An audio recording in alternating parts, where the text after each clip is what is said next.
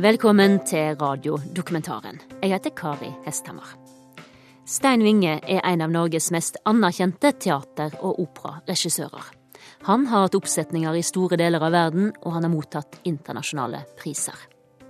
Hør radiodokumentaren Store gutter snakker, der programskaper Espen Thoresen tar regi på regissøren.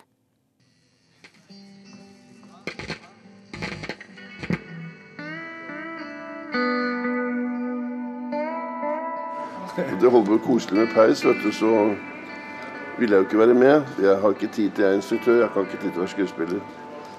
Så, men så gjorde jeg det jo også før vi begynte innspillingen. Så hadde, teamet hatt møte hva de skulle gjøre med meg hvis jeg ble vanskelig. Jeg hadde, og det gjorde jeg jo aldri. Jeg hadde nok å klare meg sjøl. Det var veldig søtt å høre det. liksom.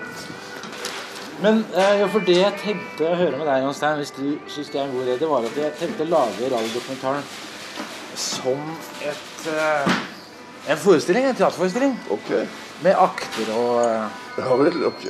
pause i midten. Og, Midt Så folk kan snakke om med mat. Med Men, ja, eller at folk kan snakke litt om hva først og fremst siste Ja, første ok, halvdel. og- ok, ok. Så hvis jeg får det til, så kunne jeg lage et, et, et slags hørespill som følger oppsetningen av et teaterstykke. En sånn parallell greie. Ok. Da tar vi fra eh, øverst på side Er du der nå? Du, ditt feige krapphyl, både om kongen og meg. Hvor, hvor begynner dere nå, liksom? Nei, vi bare, jeg bare la ut et blikk. Ja, det var det jeg lurte Ja, stemmer. Ja, Det der med rumpa Jeg har bare gjort stykket tre ganger, men jeg, jeg visste ikke hvor dette var. hen, Altså. her. Og du skal ha det moro òg? Ja, det er jo meningen. Ja, men da skal du da virkelig få lov til å si den replikken. altså Da begynner vi å bli klare. Espen Thoresen, Ja, jeg må bare si som gammel venn av Stein Winge at han har jo alltid vært instruktør, men etter denne Emmy-nominasjonen så har den skuespilleren begynt å krible frem i han igjen. Og nå hører jeg at han vet at det er litt eh, sånn journalist her Ja. og litt opptak, og nå kommer skuespilleren frem noe så Ja, ja. Det pleier ikke å være sånn på prøving.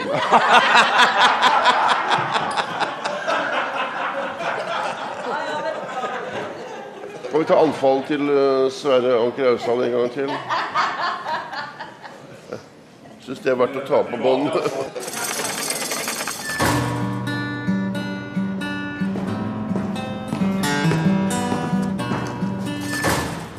Si hva du heter, Julie Winge. og les dikt om faren din. Og vær så god. Et nes på en odde. Og på tuppen Nei, en gang til. Skal vi se. Eh, Ikke stress, vi har nok av tid. Et nes på en odde, og på tuppen en tange. Et tredobbelt ord uten innhold for mange. Her bor det en underlig gråsprengt en. Det er blitt sagt at han minner om en uoppredd seng. Hans liv er teater, og hans kunst er regi. En som trosset all motstand, vil han selv kunne si.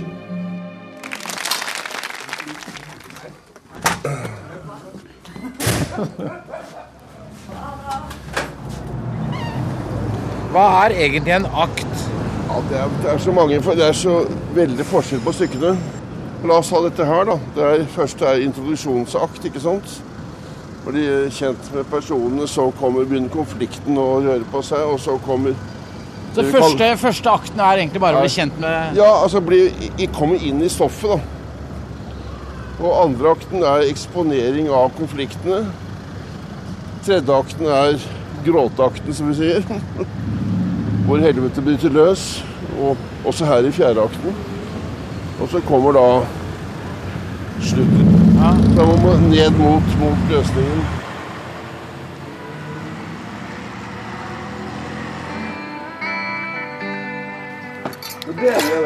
gjør det sånn vi spiller inn her, og så legger jeg på lag på lag med på.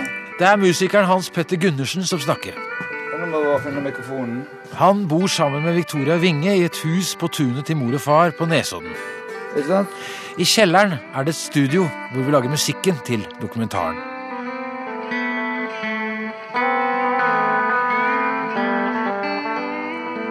Er ikke det kult, dette?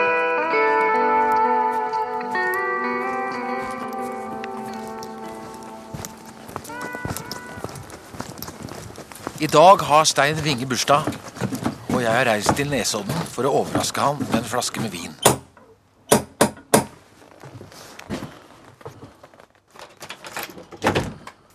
Hei.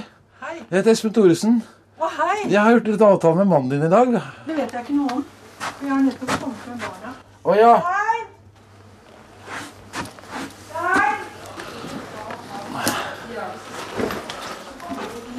Jeg ser ikke Espen Thoresen. Han står her. Vi kom akkurat hjem. Oi, går det greit, eller? Ja, har besøkt Julie. Ikke gå, ikke gå forbi meg på den måten. Ikke det. Stein har akkurat fått barnebarna på besøk. Maria, pass!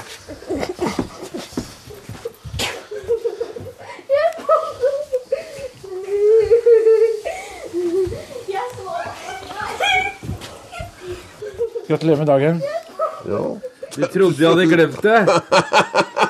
bare flaks. Skal vi kjenne på den, da? Ja, godt. Er det sant at hele familien glemte det når du fylte 40? Kari, er det sant at dere glemte Stein når han fylte 40? Ja, men Det glemte vi, ja. Men jeg mener, jeg hadde ikke noe særlig til 60-årsdag, jeg heller. da. Jeg glemte det Det kan du også 60-årsdagen. Nei, Nei, nei, nei, det er bare. Glemte ikke det, men Men du glemte 40-årsdagen til mannen din? Ja, jeg glemte 40-årsdagen. Ja. Men ikke bare hun. Også Julie og Nikolai. Alle glemte det. vi, men Victoria Og Victoria var bare noen måneder gammel. Så hun er unntatt. unntatt. Men hvordan opplevde du det? Ble du såret, eller? Ja, det er klart. Ja, snakker han tar alltid opp det. Han har aldri glemt det. Og så feiret vi ham på 50-årsdagen og 70-årsdagen, så det var som om du var en konge. Og dessuten så kjøpte jeg, når jeg arvet fra min mor og far, så kjøpte jeg noe Sigurd Winge-mosaikk til han for 180 000 Ja, det gjorde du. Ja. Og sa nå vil jeg ikke høre mer om dette her. Det vil du. Jeg må, han spør meg. Nei, Hvorfor står det byste av deg i hagen, Kari? Ja, det er Eilif Mikkelsen som var så forelsket i meg. Var det før du møtte Stein, eller?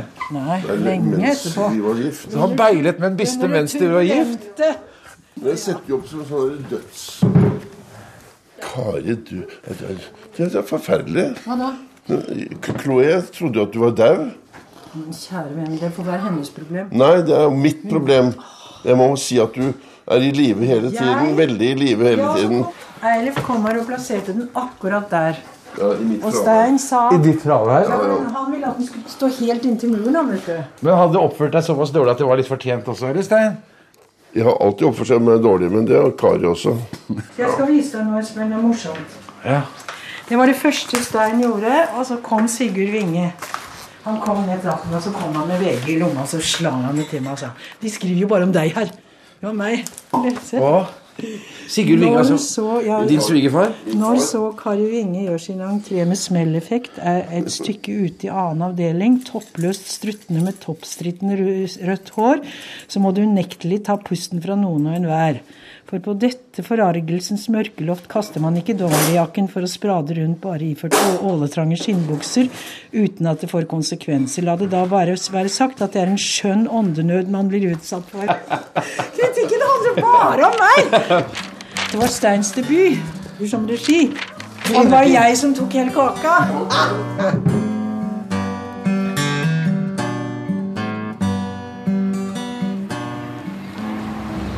Og andre akten er eksponering av konfliktene. Da tar vi andre verset, Julie. Og vær så god. Hans bravader er mange. Andre gikk skeis. Nominert til Emmy for koselig med peis. Og det er han stolt av. De unner han det. Den ligger på hylla, og hvis du spør, får du se. Så skal ta Og det er medaljen? Gullmedaljen. Tung som faen. Det er skikkelig ordentlig, vet du. En av fem. Jeg er en av de fem beste i verden det året. Jeg Liker ikke Bjørn Sundquist å lese. Det er jævlig gøy, da. Jeg som aldri har spilt på Jeg har teaterskolen.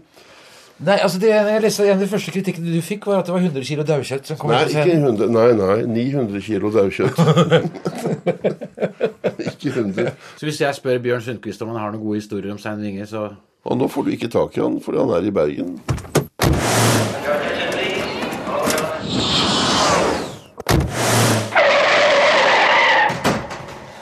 Eh, Bjørn Sundquist.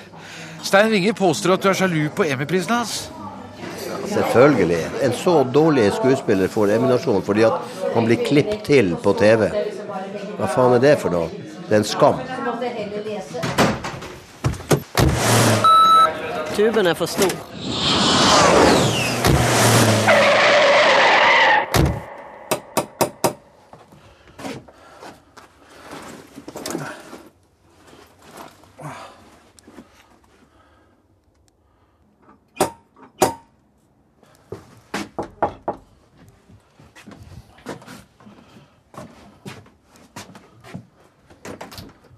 Hei. Hei. Hva sa Bjørn? Ja, altså han, jeg spurte han om han var sjalu på Emmy-nominasjonen, og så sa han selvfølgelig når en så dårlig skuespiller får Emmy-nominasjon fordi han blir klippet til. på TV. Hva, Hva faen er det for noe? Det er en skam. Ja, altså Hva annet kan Bjørn si? Ja? Når man er så sjalu som han sier, så orker han jo ikke å forsvare seg i det hele tatt. Så han, han falt sånn sammen. Altså, Så jeg har ikke sett han så gråteferdig på, på Nesodbotn noen gang. jeg. Så du vet at jeg ble nominert som en av de fem beste TV-skuespillerne det året, og det har jo han aldri oppnådd. Eh, Selv om han er mye bedre enn meg, selvfølgelig. Han har glemt hva han mistet, men vet hva han eier. Men det beste med Emmy var aldri en seier. I hans sinn bor det mørke. Og det i sin gru. Han benyttet diplomet til å gjøre Bjørn Sundquist sjalu! Bare prøv å si det baklengs, eh, Julie. Ja, Men da må du se dette først, da. Skal vi på do? Sankt Olavsorden. Ah, For da må kolleger stå her og pisse. og se på det mens hun pisser. Og så er det kulturpris og kritikerpris i Los Angeles. Og Men hvordan kom du deg inn på det amerikanske markedet, egentlig? De kom og så på noe på Torshov-teatret. Men, det, men det, det var det oversatt, eller kunne de norsk, eller? Nei, men det var Jon Christian Alsaker som kjente noen som se- De bare så hva jeg hadde gjort. De burde ikke forstå det. Nei, de bare... Og godt teater ser de. Ja. Så da ble jeg Hva, Victoria? Hei. Hei. Hallo. Ko-ko. ko-ko. Det er mange som er litt redd deg også, er det ikke det? Hvem da? Nei, som, du, du, du tar jo stor plass. Og, eller du er veldig populær blant skuespillerne, da. Ja, ja. Det har jeg fått med meg. ja. Det er det viktigste. Det, er- det er de jeg lever av, for å si det sånn. Ja. Så du slipper dere å miste henne helt. Men jeg så at du kommenterte dine ryktene om ditt eget sinne sånn Ja, jeg har rykte på meg at eh, drar skuespillerne rundt og, og fiker til dem. Har du gjort det en gang, eller? Ja. Bevare meg vel. Og, og gitt dem fika til dem? Ja, dratt til dem, ja. men, De våkner jo. men, men har du gitt dem et, en, et sånn vennskapelig klaps? Nei, eh, ikke alltid, nei. Hvem er det du har gjort det med? Ja, jeg, jeg kan jo si at min gamle gode venn Frode Rasmussen i sin tid, som jeg gjorde både Hamlet og Rikard 3. med, han syntes jeg var doven. Og jeg, jeg, han, jeg, det var i 1972. Han fikk Hamlet av meg ett år før vi skulle begynne å prøve. Og hadde ikke lest i boka da vi hadde begynt, enda, enda han visste et år. Hamlet må man jobbe med. Og da smalt jeg til han, liksom. Og det er ikke så lenge siden jeg gjorde Men Det gjorde du i, i påsyn av vitner? Ja, ja. Det gjorde jeg momentant i kantinen eller sånt. Men det er jeg ganske radikal at- handling, da. Så var det Men sånn- gjør du det i affekt, Stein? Eller, eller gjør du det fordi du tror at han blir en bedre skuespiller? Ligger det en beregning bak? Jeg ligger en beregning, ja. Ja, det ligger en beregning. Mm. Men det virker veldig spontant når det kommer. Du risikerer at det mennesket føler seg ydmyket og kanskje vil mislike deg etterpå? da. Nei, det tenker jeg ikke på. Så det er en del affekt også, da? Ja, men jeg gjør det. Jeg må, jeg må gjøre det. Jeg, bare, jeg så i trynet på han at han måtte få det. Uh, og han ble jo Det var siste dag før sommerferien.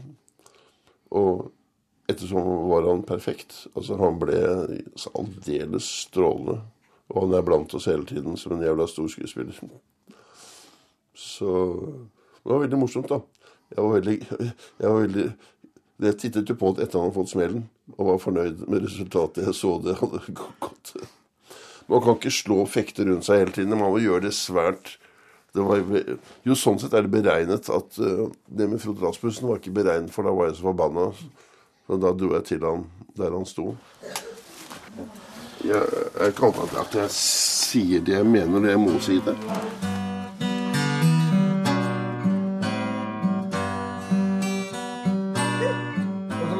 Da er en med bassen på? Og en på den?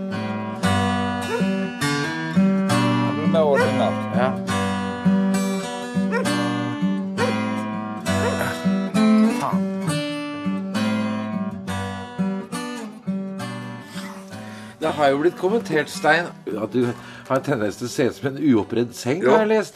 Uoppredd dobbeltseng. Det var uttrykket. Har du hørt det? Ja? Jeg har lest det. Forferdelig.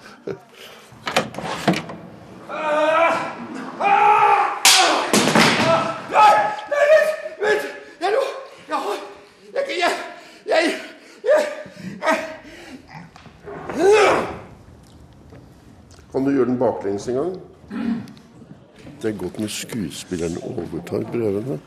For da vet de mer om rollen enn instruktøren. Jeg liker den veldig godt. Ja.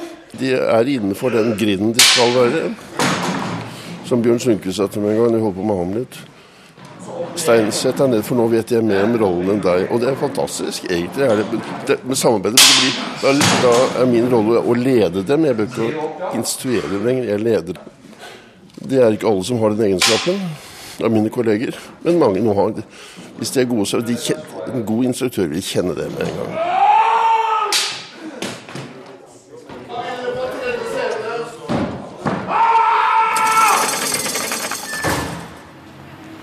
Tredje akten er gråteakten, som vi sier. Hvor helvete bryter løs.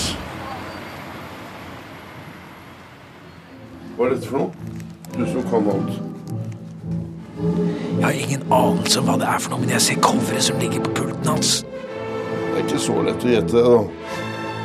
Nei, det Er det maler? Ja, det er maler. Ja, ja men det var Valberg. Og du så svarte helvete, din jævla drittsekk.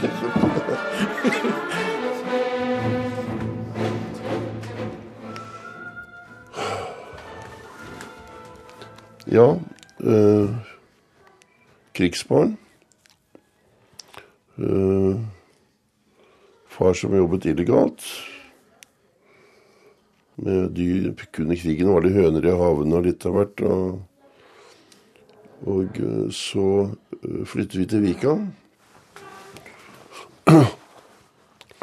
Og der eh, Jeg var vel syv-åtte år. Syv og et halvt. Og vårt hjem var komplisert, hvis det er det du tenker på. Jeg hadde jo en ulykkelig mor som hadde vært eh, nevrotisk siden 20-årene. Men giftet seg med far likevel, og en fantastisk begavet eh, kvinne. Men eh, hadde en urolig sjel. Hun var en av 14 barn, liksom. Og eh, måtte flytte hjemmefra fordi det er ikke plass til alle. Så hun hadde slet ved å jobber i Oslo som vaskehjelp og alt mulig sånn. Men, men eh, jeg opplevde jo som seksåring å måtte passe på meg selv alene hjemme mens de var på fest innimellom. Og de kom Jeg måtte liksom stå imellom dem når de sloss når jeg var seks-syv år, og det er ikke noe sunt. Å stoppe dem og uh, Far var aldri videre full, men, men det var uh, store aggresjoner i perioder. Og min mor ble jo etter hvert mer og mer avhengig av uh, piller. Hun var en ekspert til å overtale leger til å gi henne de pillene hun trengte. Hun var så utrolig sjarmerende og klok og gløgg. Men, eh, men på en negativ måte. Så, så eh, Jeg syns 50-årene var ganske strie. Ja, altså, jeg har tenkt på det etter hvert som årene har gått, nå kanskje også de siste årene. Hvor, hvor Jeg hadde det ikke fælt, for da jeg to foreldre som var veldig glad i meg. Jeg var jo mye sammen med far og jobbet med bildene hans, og vi dro til Kunstnernes hus. og mye på søndager, for han sa nå må vi trykke penger. Det betyr at han måtte trykke raderinger, altså etsninger, for å tjene penger. Og han jobbet jo med utsmykning i handelsgymnaset. Jeg var assistent når jeg hadde fri. Liksom, løp opp og, og flyttet på små steiner og sånn. Så jeg var mye med han, og han jobbet også senere i rådhuset. Min mor ble mer og mer neddopet og ulykkelig og utrolig fantastisk sjarmerende. Hun var en, var en, dronning i fest, fester som vi hadde, og sjarmerte alle. Og var veldig levende da, men altså så Dagen etterpå var, var hun vekk igjen, liksom. Så det var ja, Ofte etter hvert som årene gikk, så gravde jeg henne jo frem. Hun ligget under, under bord i stuen i sin egen møkk og urin, og, og fikk henne på sjukehus osv. Så, videre. så det var eh, det var hun eh, på en måte og far flyttet jo hjemmefra i midten av 60-årene. Og uh, kunne ikke leve med det lenger. Det, det han, det han liksom måtte gjøre jobben, var da det viktigste. Så han bygget seg et lite hus inni atelieret på rådhuset og bodde der.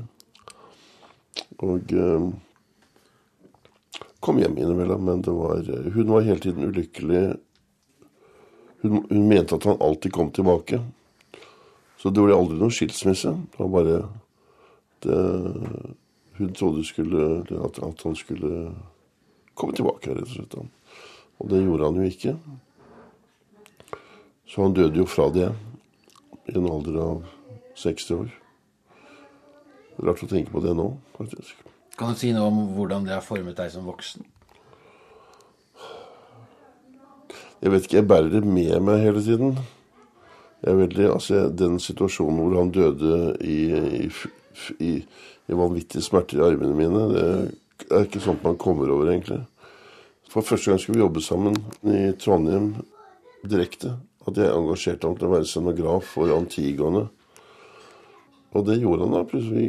Så vi begynte jo på det. Han lagde modeller. Han var, vi dro frem tilbake til Trondheim og forberedte oss og begynte. og Uh, vi begynte vel 2. januar i 1970. Og 22. januar så gikk han ryggsmerter.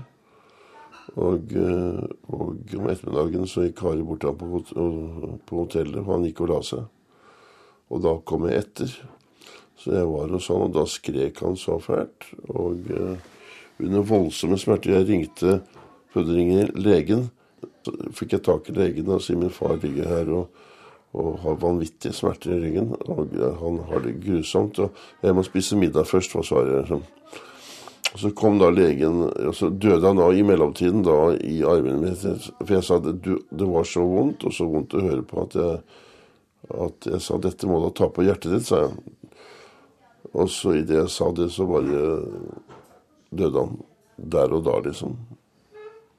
Og eh, så kom legen etter et kvarter, og var det så alvorlig, sa legen. Det er sånn det er, ikke sant. Ja. Så han forbannet jeg så jævlig da at han døde noen år senere selv. Legen. Veldig glad for det. Da blir det en eh, pause, og vi er i gang igjen om 20 minutter. Det er pause i første prøveforestilling av Kong Lear. Og en eldre dame vil diskutere detaljer med regissøren hun eh, dattera Cornelia, hun er jo eh, dronning av eh, Frankrike. Ja. Hvordan kan hun være narren hans hele tiden da? Å lese stykket ordentlig, så finner du ut at det Shakespeare har skrevet det slik. Ja. ja. Jeg liker scenografien din. ja, ja. Den gir teksten fritt spillerom. Ja. Veldig bra. Meningen, ja. Det må det. Jeg var jo så på Faust. Det var akkurat det samme, veldig minimalistisk, og fikk veldig mye igjen for teksten. Og det gjorde jeg nå også. Teksten ga mye mer dybde nå enn det det gir hvis du har full sånn scenografi. Ja, man kommer innpå teksten. Ja, så det... veldig bra. Ja, det har jeg sagt. Takk skal du ha. Ja, takk skal du ha.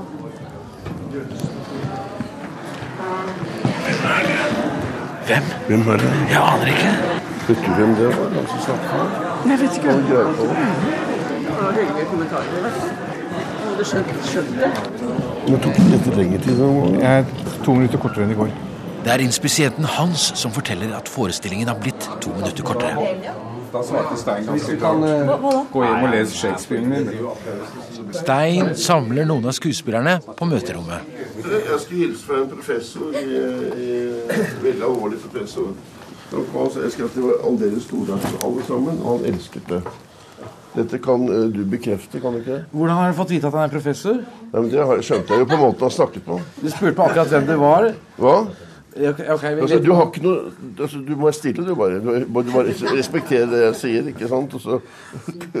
Nei, men det var, det var en mann med tyngde, da. Etter å ha snakket med skuespillerne går han inn i kantina til Nils Ole Oftebro og Mats Austdal og faren hans, Sverre Anker. Vi klarte å få det lenger enn i år. Men det var to minutter kortere. Nei da, det var ikke det. Det var ti minutter lenger enn i går. Nei, det var Jo, det var det. Det var ti minutter lenger. ikke ifølge Hans. Hans prøver å lyve og gjøre, liksom, gjøre Jeg har jo klokke, jeg òg. Det var ti minutter lenger i dag. Ja. Han vil bare ha gjennomgang i morgen formiddag. Det det Ja, det blir det. Ja, jeg vet det. Jeg Forget det. Vet det. Ikke min skyld! Nei, det er det ikke. Jeg kjente det lyset gikk opp, så kjente jeg at det ble Nei gjennomgang i morgen. Jeg gikk faktisk raskere. Å ja, nå skjønner jeg. Nå, ja, han er ute på Emmy-veggen igjen her, ja. Jeg så, jeg så ikke mikken Du ser ikke dette Jo, jeg ser mikrofonen. Han er ute på Emmy-veien, ja. ser mer enn du tror. Ja, da skjønner jeg. Er det skjønner, Sverre? At Vinge slår til her med anekdoter og jeg vet ikke hva. Ja vel. Han håper at det skal bli sendt ut i verden så det blir ny Emmy-nominasjon. Du er fæl til erten med den Emmy-prisen hans. Ja, men han legger opp til det selv òg. Emmy-prisen din! Ja, det gjør du. si, Var det noe pris, eller var det bare nominasjon? Det, nå husker ikke jeg helt. Det var bare nominasjon. Ja, det var Men det er jo en pris, det. Ja. Jeg skal, jeg skal ta med og vise deg den, så skal du se hvor, om du blir like blek som Bjørn Sundquist. Prisen, eller? Han så Hei. Og hvem er så han, denne brautende stut, som tør kritisere hvordan andre ser ut? Ja. Hans hode er ribba som tverne om høsten, men ingen tør si det, for da hever han røsten. Jeg er jo ikke skuespiller. Og det, altså, ingen her altså, Hva er dette Jeg liker ikke det uttrykket du har i ansiktet når du sier akkurat det der. Jeg kan ikke fordra det. Alle som regnet med at man hadde en slags intellektuell samtale bak eh, i pausen om det er jo Shakespeare og en sånn to og en halv timers lang forestilling og sånne ting. Det er dette de snakker om. Tull og tøys og bare sånn blod. Ikke sant? Kulturkommentator i NRK Agnes Moxnes er og tar seg et glass hvitvin i pausen. Jeg syns at liksom, den dynamikken, eh, særlig mellom han og Bjørn Sundquist, den blir jeg veldig opptatt av. Det er jo en slags rivalisering her, eh, som passer veldig godt når du liksom setter regissøren opp mot, eh, mot eh, skuespilleren her. Så det liker jeg. også jeg liker måten Julie Winge leser tekstene på. Hun er god. Eh, ordentlig datter av faren eh, sin. Hun har gått i en god skole. Amfisien kommer. Publikum er faktisk allerede på vei inn. I hagen er en byste av en kone, en mor. Der ser hun mot havet godt plantet i jord. En gave fra en som kikket fra siden. Gud forbarme hva som skjedde den tiden. Det var svik og bedrag og lysters begjær. Og historien om dette, den kommer her.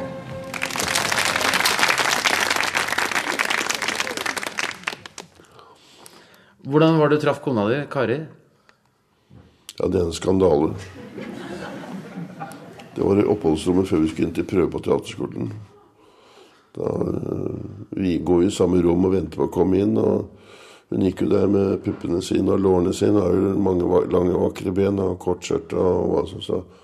Så jeg, så jeg øh, la merke til det med en gang.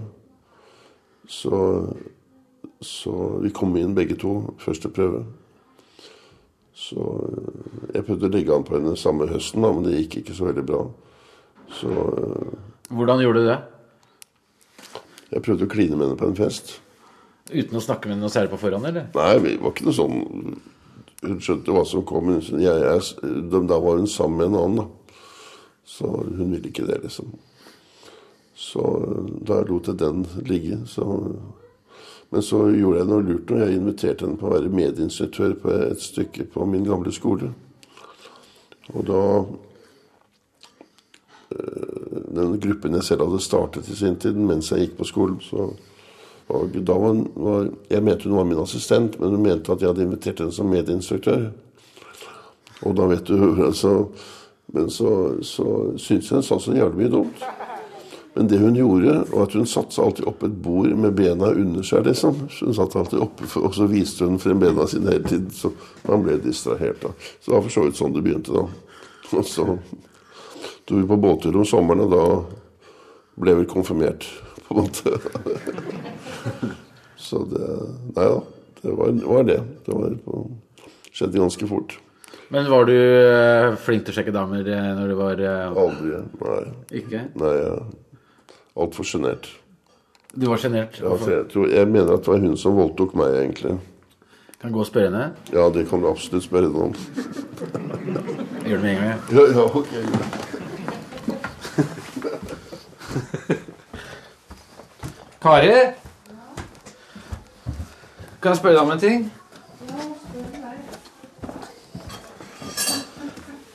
Du, jeg sitter og snakker med Stein om, om når dere traff hverandre. Ja, og da, ja. Den gang, ja. Ja, og at eh, dere skulle sette opp Antigone, og han regner deg som å være regiassistent. Mens du mente at du skal være medregissør. Ja, ja, ja. Og så påstår han at dere dro på en båttur, og at han mer eller mindre ble voldtatt av deg. Det typisk? Du kan godt levere den historien. Den er langt fra sann. ja, den er ikke sann i det hele tatt. Ikke? Bare tull! Hun sier at det er bare tull! Ja, tull, ja, det er også en manipulasjon. Dette er typisk Steins manipulasjonsteknikk. Det er typisk Steins manipulasjonsteknikk, sier hun. Da får du få hendelseshistorie, da. Ja, Hva er din historie, Kari? Min historie er at det er helt sant at jeg sto på, vi sto på Teaterhøgskolen, og så så vi på talene gikk i første klasse. Så så vi på, sto vi ved siden av hverandre for å lese neste dags hva heter det, klasse eh, Sånn der eh, Hva vi skal gjøre neste dag, timeplan. Og så sto det en liten sånn notis som de henger opp. Års og Foss søker instruktør. Så spurte Stein meg du skal vi to gjøre det sammen. Ja, jeg kan jo ikke instruere jeg, men vi kan gjøre det sammen, sa han. Det var det som skjedde. Og så kom jeg ned der, da, og så begynte jeg å bli litt forelsket i Stein. Jeg, var, jeg hadde et sånt godt øye til han, da. Og så satt jeg han, han snakker alltid om at jeg satt på pulten, og så opplevde jeg at jeg måtte jo si noe, for jeg var jo regiassistent, eller regissør sammen med han. Ja. Men han opplevde at etter det, det som ble ganske plagsomt. Og så satt jeg der med lårkorte skjørter og sånn. Han har snakket etterpå, Hun satt der og breide seg med de beina sine. Lange, slanke nylonstrømpebein. jeg tenkte ikke på det. Jeg satt på en pult. Og så skulle vi gå på, begynte vi å nærme oss premiere, så ba han, ba, han, ba han meg på kino, og så gikk vi på repet. Og så var det, det var jo Hitchcock. Og da tok da, Å, jeg er så redd, Stein, sa jeg. Og så tok jeg hånden hans da, og sånn var det det begynte. Ja. Den var litt- det var jeg som tok initiativet, det er riktig, det. Så du, du sjekket han opp? Jeg sjekket han opp. Ja, ok. Det var jo moden, da. Ja. Da har du sikkert fortalt en helt annen historie.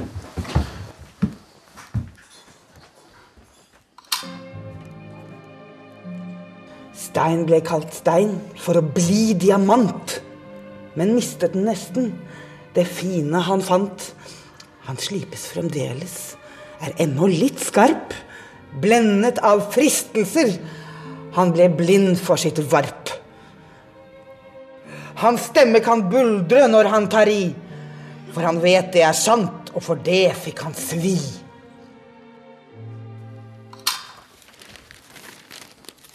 Utro, ja. Mm. Hva er dette for noe? VG er det, så vidt jeg ser. Det var en liten detalj som sto i et intervju i Tara, som Anne, Anne nei, hun, Astrid Gunnes hadde gjort. Uh, så vi, så vi hadde et slags åpent ekteskap noen år, liksom. Og det var bare en, i forbifarten, men her blir det altså slått opp på første side. Uh, I VG. I VG. Og uh, han ringte ned og spurte om jeg ville kommentere det, og det, det ville jeg faen ikke. Men man kommenterer jo ved å bare si at man ikke vil kommentere. Så han sier dette, må dere, dette vil vi ikke ha ut. Og så sa han det kan du ikke stoppe, for du har sagt til Tara. Jeg syns det, det, var helt utekkelig i forhold til den lille biten. Det var ganske banal ting, egentlig. Det er mange som har hatt avtaler i ekteskap. Men er det så lett å fikse? Altså, åpent ekteskap? Nei, det er jo ikke det. Men det var jo det, det vi, vi, prøvde å få det til en stund, iallfall. Hvem var det som foreslo det først? Det husker jeg da. Dette var i slutten av 60-årene. Jeg husker ikke det. Det kan jo ikke ha vært meg. Nei, det jeg spør er vel indirekte om det kanskje var deg? Ja, det, ikke sant?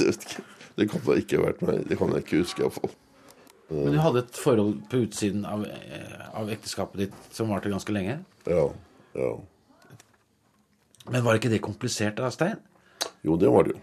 Det var du forelsket i to leire, da, eller? Ja, du kan kanskje si det sånn. Altså, Man kan jo være glad i mer enn ett menneske. Ja. ja. Så... Men hva visste Kari om det da?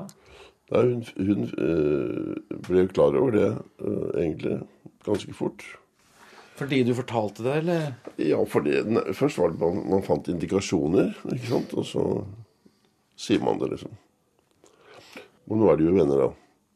Men hvordan opplevde du at Kari også begynte å få egne beilere, da? Vi har en status som står ute i hagen, som vi har snakket om. ja. Ja, jeg, hun har jo hatt Jeg tror mange som har vært ute etter henne, egentlig. Hun er en veldig vakker dame. Ja, flott. Så jeg forstår det. Men hvor kom det fra, denne ideen? Var det 60-tallets eh... Ja, det var det. Var 60-tallet, ja. Så Men ble begrepet lansert etter at det allerede var i praksis? Eller eh, Hvis du skjønner spørsmålet? Jeg har vanskelig med å huske det, altså.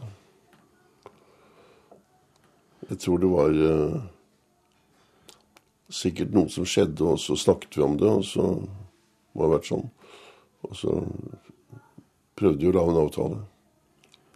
Jeg vil ikke si så mye om dette her. er det noe som du og Kari snakker om, eller er det sånn Nei, det, det har vi snakket masse om. Ja, ja så det, det men Har det gjort at dere er enda mer sikre på hverandre i dag? Da? Eller dere har et for... ja, altså, vi har jo Det som viser seg, i og med at det, det, kunne, det kunne vært gjenstand for oppbrudd, ikke sant men, eh, men eh, det ble ikke det. Kari flyttet hjemmefra en stund. Eh, jo, det er jo det at vi, vi er såpass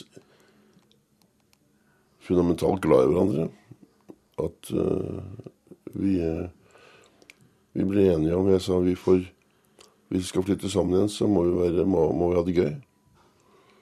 At man legger ting bak seg og ikke gjentar det hele tiden. At man da blir enige om det er prinsippet at man må Og det har vi gått veldig fint. Ja. Jeg kunne sagt mye, men la meg slippe å gå dit. Min taushet skal tale. Og dette er grunnen. Han lar skiten snakke med hemoroider i munnen. ja, ja. Jeg går bort til uh, Victoria Hans Petter for å uh, legge på musikken til dokumentaren. Skal du bli med? Ja. Hva er det der for noe? Skalkeskjulet. Der bor Nikolai, og jeg har verksted i første etasje. Og musikkstudio har han. Og Og så har du Victoria boende her, da. Ja.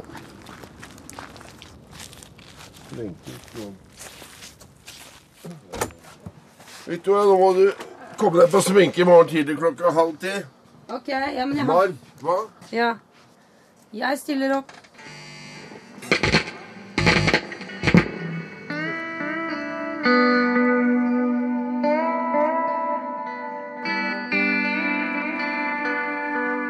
Ikke det kult, dette? Det er kjempefint. Flott. Stein, vil du ha et glass armaniakk? Ikke si noe til Kari, nei. Nei. Drikker opp alt sammen. Oh, ja. Vi kan ta den så lenge til Jeg går og henter glass. Men så fint, det. Det er veldig fint. Er det for høyt, da? Eller? Nei, men det er ikke mikset. Altså, Og det er ikke mikset? Nei, jeg har jo bare lagt konge på sånn uh, okay. nedmiks. Ja, Vi ja, skal jo ja. inn i et studio. Jeg vet jo ingenting, jeg. Akkurat. Hva er magien med Shakespeare? Er det de mellommenneskelige relasjonene han, han blottlegger, eller Ja. hva, hva er det med han? Jo, det er jo det han tenker på Rikard 3., som er den største svinet i Shakespeares uh, Han, han kommer i starten og sier 'følg med nå, for nå skal jeg ta livet av den og den og den'. Dette blir gøy. Og så elsker vi denne massemorderen, ikke sant? Og så midt i stykket så skal det er det en som skal tas. Når på døgnet blir han tatt? Han blir tatt fire om natten. For det er da man er på det svakeste. Det samme som de gjorde med Gorbatsjov på Krim. De tok han klokka fire på natten, for da er man på det mest ømtålige. Det er liksom, det er menneskekunnskap, og det er evig aktuelt, liksom. I buddhismen så mener man også at fire, klokka fire Så det øyeblikket da Buddha ble opplyst. Så det er også det Ikke bare det du er mest ømtålig, du er mest åpen. Ja. Det er da du kan få de store innsikter også. Oh ja. Da Det er da jeg går på toalettet og pisser. Da Four o'clock in the morning er altså det, det klokkeslettet som går inn i aller fleste sangtekster. Ja vel, ok. Ja, ok. Ja. Four o'clock. Four in the morning. Four in the morning. It's four o'clock in the morning. Damn it. It's four in the morning.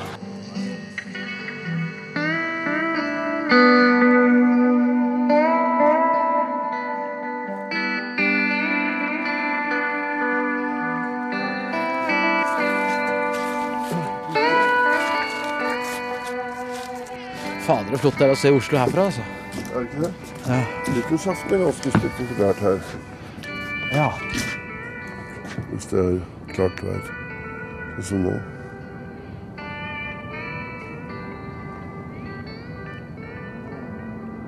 Oslo er så mye enklere å kontrollere når du ser den som en dings. Jakt. En halv smultring.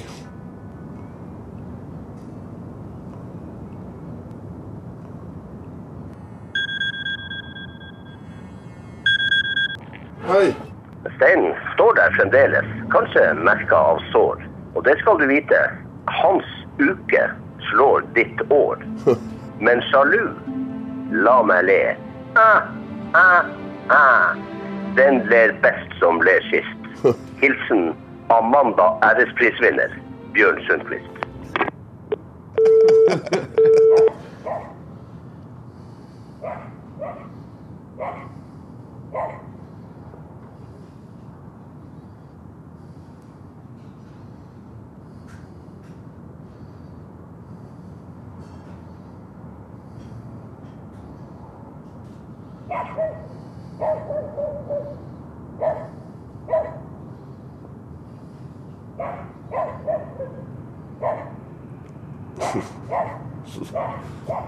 Ja, ja.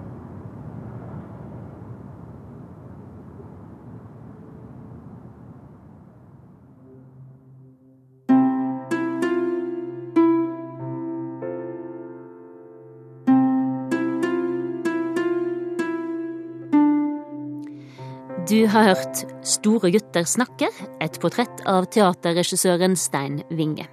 Programmet var laga av Espen Thoresen, teknisk regi var ved Merete Antonsen og konsulent Kari Hestemar. Musikken du hørte var laga av Hans Petter Gundersen og Espen Thoresen. Neste lørdag sender vi radiodokumentaren Nede, et program om å lengte hjem. Hun bodde ti år i Norge før politiet kom og henta henne.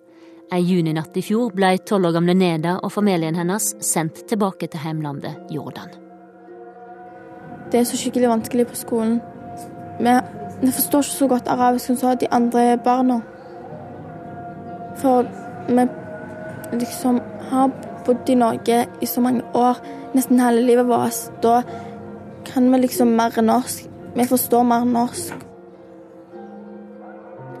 Hør Nede, en radiodokumentar om å lengte hjem, neste lørdag klokka ti her på NRK P2.